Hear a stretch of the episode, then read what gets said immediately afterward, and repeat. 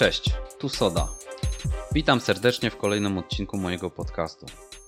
Skoro ostatnio na afisz wzięliśmy tak wielki temat, jakim jest życie, to chciałbym, abyśmy przynajmniej jeszcze w tym odcinku pozostali w nurcie tematów wielkich i wzięli się za kolejny, jakże istotny temat wiary. Dzisiaj skupię się przede wszystkim na praktycznym wymiarze tego tematu, muskając jedynie ten duchowy, do którego zapewne jeszcze powrócę. Wiara. Już sama geneza tego słowa wskazuje, że wiara była od zawsze istotnym elementem funkcjonowania wszelkich społeczeństw na całym świecie i określała jak najbardziej pożądane cechy prawego człowieka. Dawniej bowiem słowo wiara oznaczało zaufanie, przyrzeczenie, a także wierzenia i przekonania przekazywane z pokolenia na pokolenie. Słowo to oznaczało też tradycyjny ład i porządek i było jednoznacznie kojarzone z prawdą. Dzisiaj słowo wiara to przede wszystkim skojarzenie z religią i duchowością. W dzisiejszych czasach wiara i religia, choć nadal w olbrzymiej większości świata praktykowana, to coraz bardziej wypychana z ludzkiej świadomości i zastępowana. No właśnie, czym zastępowana? O tym może trochę później, a na razie skupmy się na garstce faktów. Na świecie żyje obecnie od 2 do 3% ateistów, czyli ludzi deklarujących, że są niewierzący. W tym gronie mamy w Polsce ponad 12% takich osób. Sytuacja na świecie wygląda mniej więcej tak, że w krajach rozwiniętych, mam tu na myśli kontynent Europy, którego kolebką cywilizacji i największym przyczynkiem rozwoju była właśnie wiara, a konkretnie chrześcijaństwo, coraz bardziej od wiary odchodzi i coraz mocniej się jej wyrzeka. A w niektórych środowiskach stała się ona wręcz niepożądanym reliktem przeszłości to tutaj w Europie mamy najwyższy wzrost współczynnika osób uznających się za niewierzących. Prym w tych statystykach wiodą ludzie młodzi. I tak na przykład aż 91% Czechów uważa się za ateistów. Zaraz za nimi plasują się młodzi Estończycy, Szwedzi i Holendrzy. Zupełnie podobnie jest w Belgii, Francji czy Niemczech i niedużo lepiej w Hiszpanii i Włoszech. Na drugim biegunie tych statystyk pozostaje młodzież polska i litewska z krajów, które w Europie uznaje się za najbardziej religijne. A z krajów Europy Zachodniej w czołówce wierzących znalazły się jedynie Portugalia i Irlandia. Do krajów, w których odsetek wierzących jest wciąż imponujący, zalicza się dziś Grecję, Rumunię i kraje bałkańskie. Dzisiaj to właśnie w Europie, która swoją potęgę, jak już wspominałem, zbudowała na chrześcijaństwie, możemy oglądać obrazki pustoszejących kościołów zamienianych na dyskoteki, hotele i inne przybytki.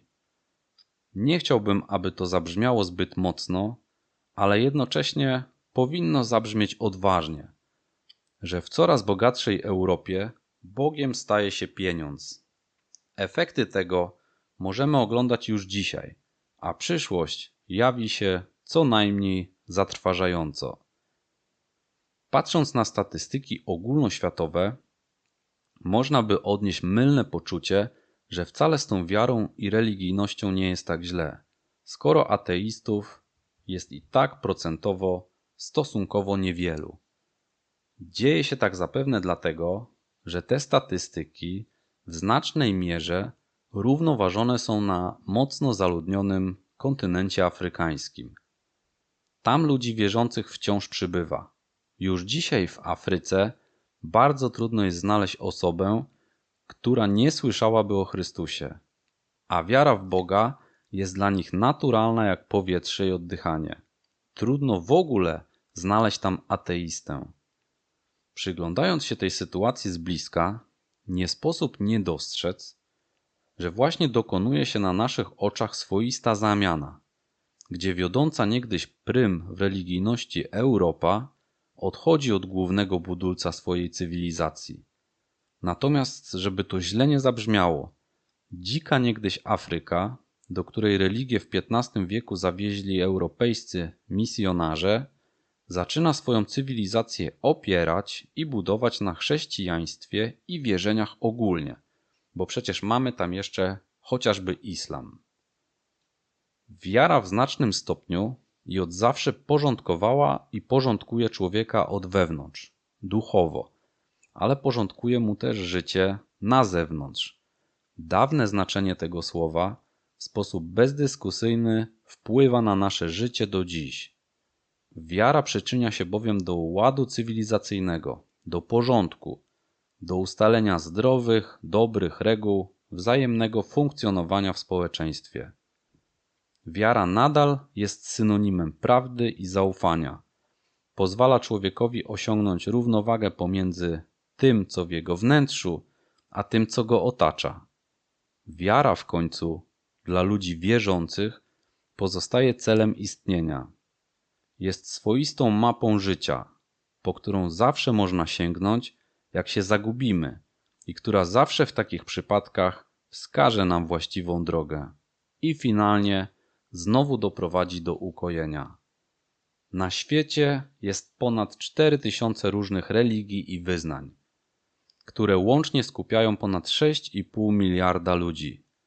Ich wspólną podstawą są trzy główne elementy: doktryna, etos i kult, i zawarte w nich twierdzenia, rytuały, obrzędy i założenia religijne, będące realizowanym i obowiązującym jasno określonym zbiorem idealnych wzorców kulturowych.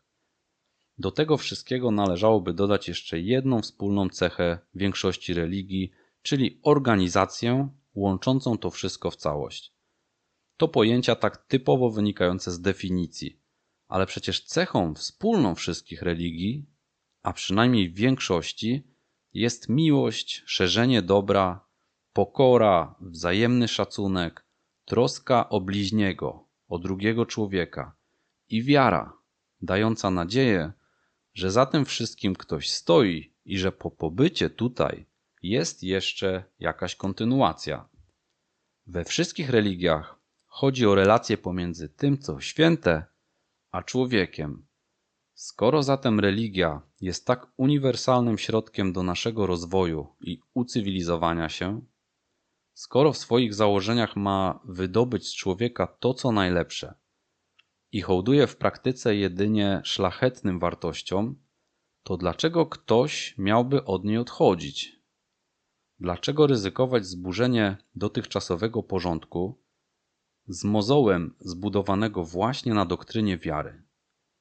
Czy to nie jest bez sensu? Czy świadome pozbawianie się sens sensu życia ma sens, czy ludziom deklarującym się jako niewierzący pozwala to po prostu na bardziej swobodne funkcjonowanie dla własnej wygody w myśl zasady, że piekła nie ma, a wszystko co zaczęło się tutaj, tutaj również będzie miało swój koniec. Skoro wszyscy wierzący na świecie skupiają się wokół religii, których wspólnym mianownikiem jest dobro i wymienione wcześniej atrybuty, to czy przypadkiem wszyscy nie wierzą w jednego, tego samego Boga, tylko po prostu inaczej go nazywają? Skoro antropolodzy są w zasadzie zgodni co do tego, że religia współistniała z nami praktycznie od zawsze i od zawsze człowiek był istotą religijną, to co skłania aktualne pokolenia do odchodzenia od wiary, od religijności? I pytanie najważniejsze: dokąd i do czego nas to doprowadzi. Zapewne nie jeden raz zastanawialiście się, jak to jest, że niby żyjemy w coraz bardziej cywilizowanych czasach. To znaczy, otacza nas coraz więcej dóbr techniki czy nauki. Jesteśmy coraz bardziej światli, oczytani, wykształceni i obyci z kulturą, a coraz więcej w nas nieludzkich odruchów, zła, zawiści, nienawiści i zwykłego hamstwa. Coraz bardziej się uwsteczniamy we wzajemnych relacjach i jesteśmy w nich coraz bardziej brutalni i bezwzględni. Czy aby przypadkiem nie jest to efektem postępującego odchodzenia od wiary i jej szlachetnych odwiecznych założeń? Czy przypadkiem nie robimy tego dla szerzenia kultu pieniądza?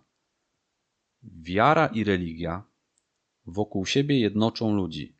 Ich siła polega na wzajemnym współdziałaniu, na wspieraniu się, na powielaniu i szerzeniu ustalonych wzorców.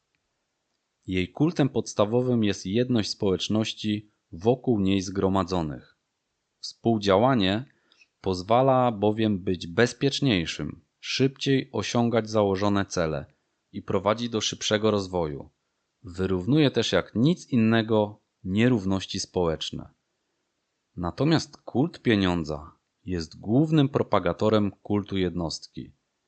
W tym świecie liczy się tylko ten, co zgromadził dużo dóbr materialnych i za ich pomocą wpływa na innych, czyniąc ich swoimi swoistymi wyznawcami.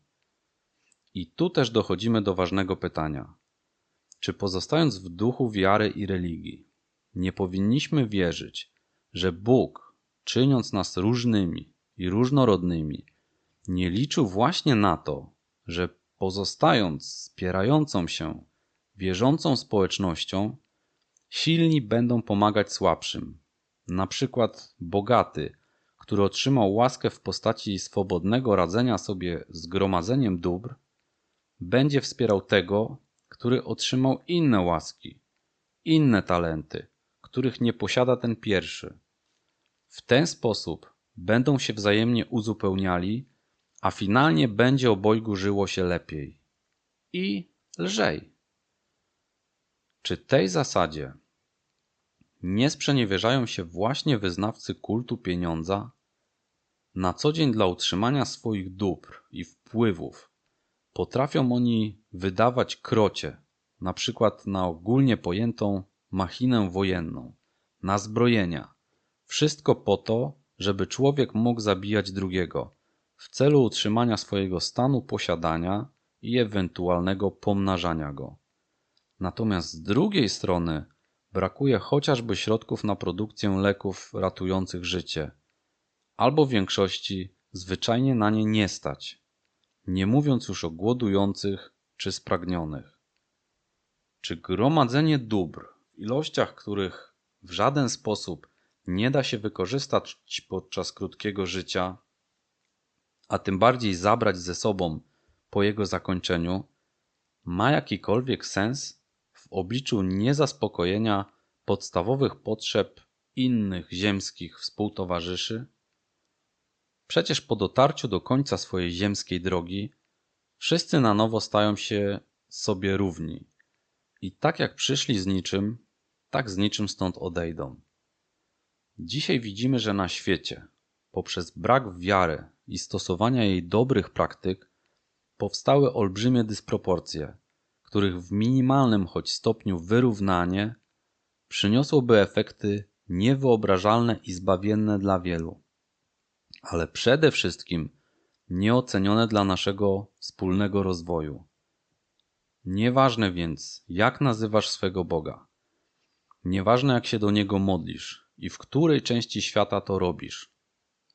Ważne, abyś wierzył w dobro, w miłość i był uczciwym człowiekiem, bo to już czyni cię osobą religijną i w myśl wielu religii prowadzi do zbawienia i życia wiecznego. Ważne, abyś na świecie nie żył sam, tylko z innymi, abyś w razie konieczności w miarę możliwości dzielił się tym, czego masz nadto i mógł też liczyć na szczodrość innych. Bo wszystko, co się narodziło z Boga, zwycięża świat, a tym zwycięstwem, które zwyciężyło świat, jest nasza wiara. Czy 6,5 miliarda ludzi, wyznających od zarania dziejów święte zasady wiary, może się mylić, żyć w błędzie? Argumenty są nieubłagane i w myśl wszelkich faktów i doświadczeń ludzkości wychodzi na to, że wiara i religijność są nam niezbędne do prawidłowego funkcjonowania. Tę mapę musi posiadać każdy i musi do niej w razie konieczności jak najczęściej zaglądać, a na pewno się nie zawiedzie. Na pewno znajdziemy w niej wszystko, czego szukamy. Nie można się opierać na braku argumentów, pozostając niedowiarkiem. Nie można nie dostrzec dziejowego, ponadczasowego dziedzictwa ludzkości, ściśle związanego właśnie z wiarą i religią. Wiara jest podstawą tego, czego się spodziewamy i dowodem tego, czego nie widzimy. I żeby nie było, że wszystkich deklarujących się jako niewierzący wrzuciłem do jednego worka ludzi wyznających jedynie kult pieniądza, to trzeba wśród nich wyróżnić przynajmniej jeszcze jedną grupę. Mianowicie ludzi, którzy po prostu wierzą w dobro i pielęgnują w sobie dobre zasady. Ale ci ludzie, według mnie, są osobami wierzącymi. Tylko z jakichś sobie jedynie znanych powodów nie nazywają Boga po imieniu. Bo przecież Bóg jest dobrem, więc dobro musi też być Bogiem. Nie dajmy się zatem zwieść nowej religii opartej na dobrach materialnych, a wiarę dajmy tylko temu, co utwierdzone w wiekowej tradycji i prowadzące do pojednania. Na dzisiaj to wszystko. Pozdrawiam, przesyłam pozytywną energię. Do usłyszenia. Cześć.